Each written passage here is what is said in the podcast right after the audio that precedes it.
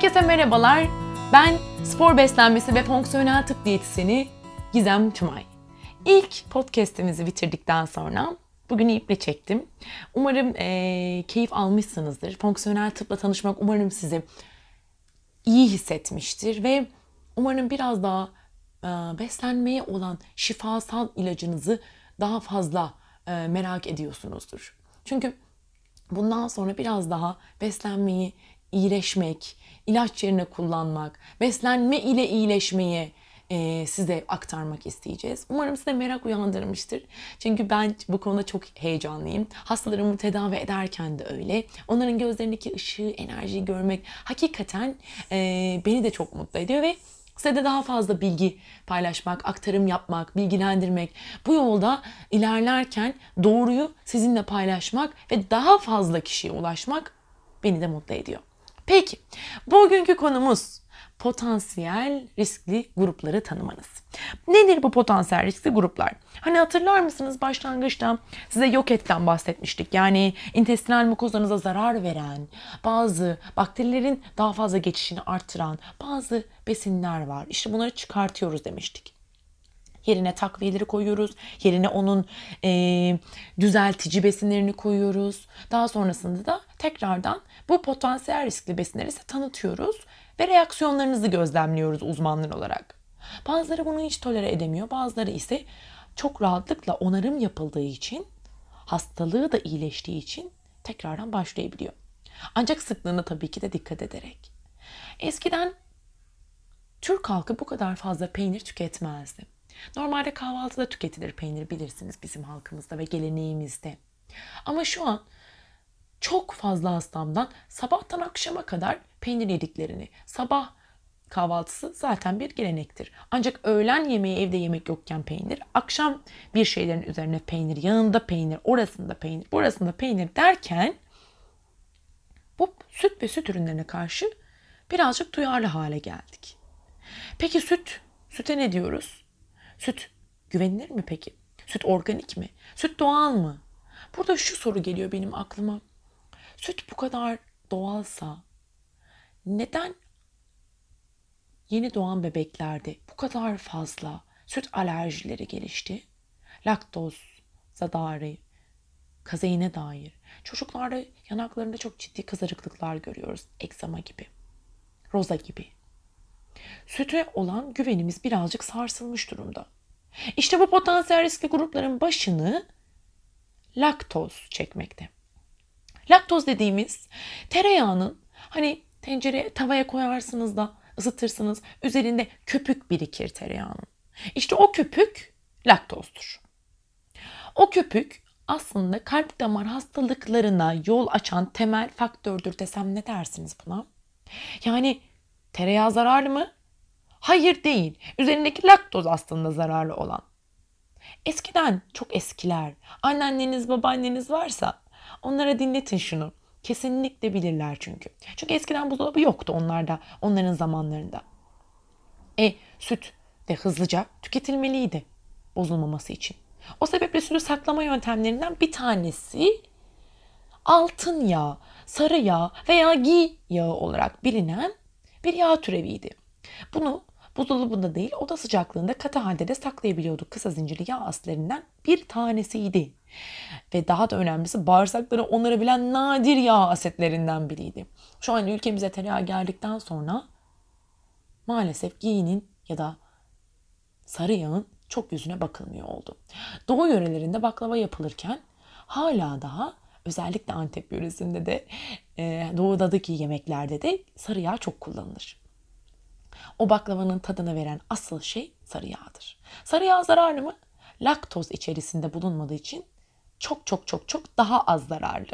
Ama asıl kalp damar hastalıklarına yol açan şey ve damarlarınızda biriken asıl madde işte o laktoz. Laktozun ülkemizde ve dünyada sindirilme olanını biliyor musunuz?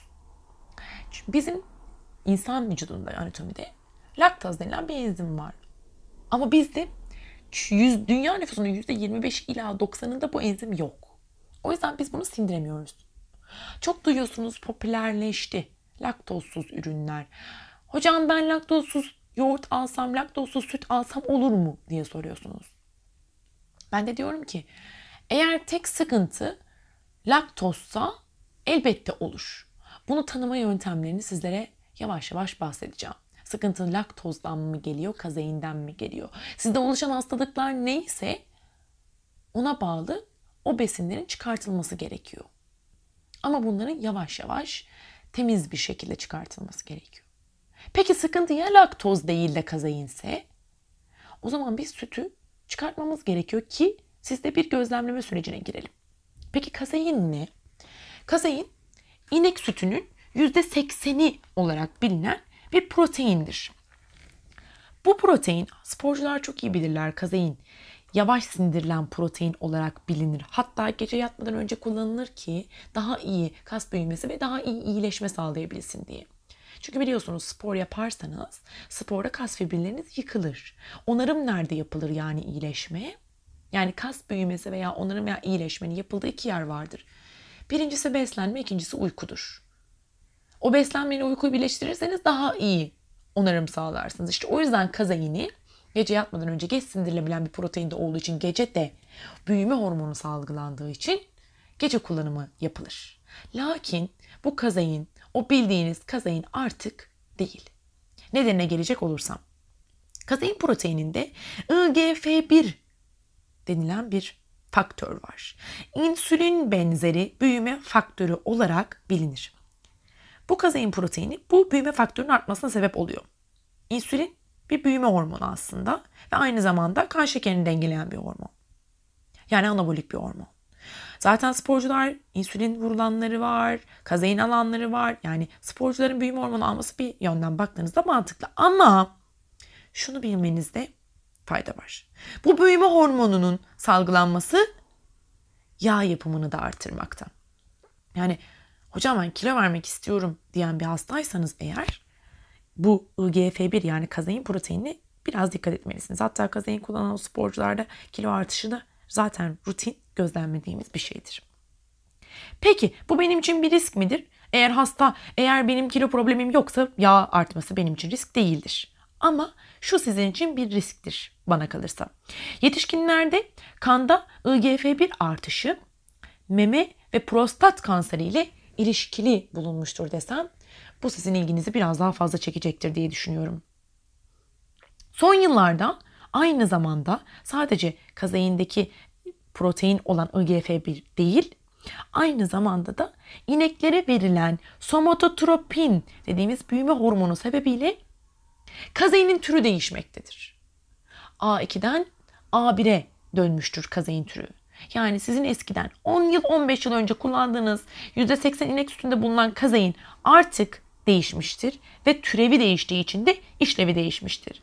Şuna bakacak olursanız şu an büyükbaş hayvanlara güvenebiliyor musunuz bilmiyorum ama ben maalesef kuzu dışında çok bir şey yiyemem et olarak. Çünkü ineklere verilen yemlerin çoğu bozulmuş durumda. Kazein besinin bağırsaktan geçişini uzatmakta maalesef negatif bir etki var. E bağırsaktan geçişin uzatılması bizim için büyük bir dezavantaj. Ne gibi? Bağırsaklardaki müküs üretimini arttırabilmekte ve bağırsak işlevini sekteye uğratabilmekte. Sindirimi, emilemi ve bu şekilde bağırsak kökenli hastalıklara yakalanma ihtimalinizi yükseltmekte. İşte bunlar bizim için büyük büyük çok büyük riskler. Çünkü ne dedik geçenki anlatımımızda?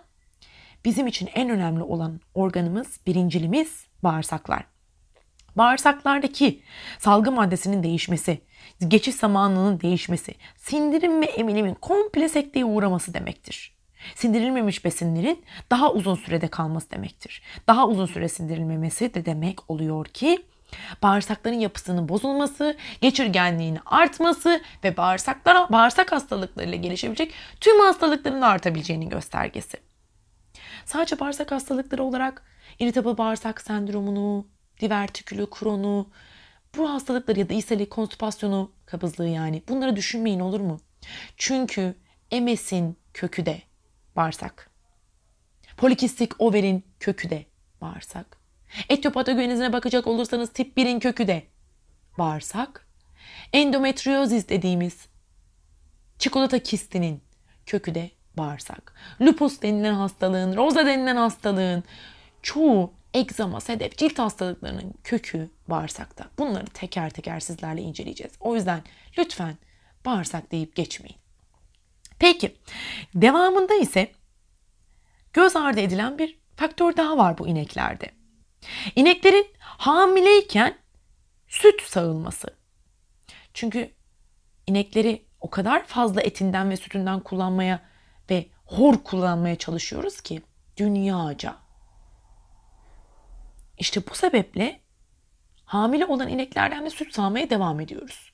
Bu sağılan sütlerin içilmesi sütün cinsiyet hormonu içeriğinin artışına bağlı olarak özellikle ergenlik dönemine erken girme, daha erken kıllanma, adet dengesizlikleri, adet görememe, polikistik over ve kadın hastalıkları şikayet, şikayetlerini çok fazla yükseltmekte.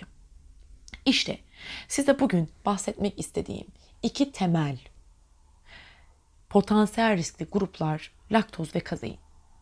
Daha yakından çok tanıyacağız bunları.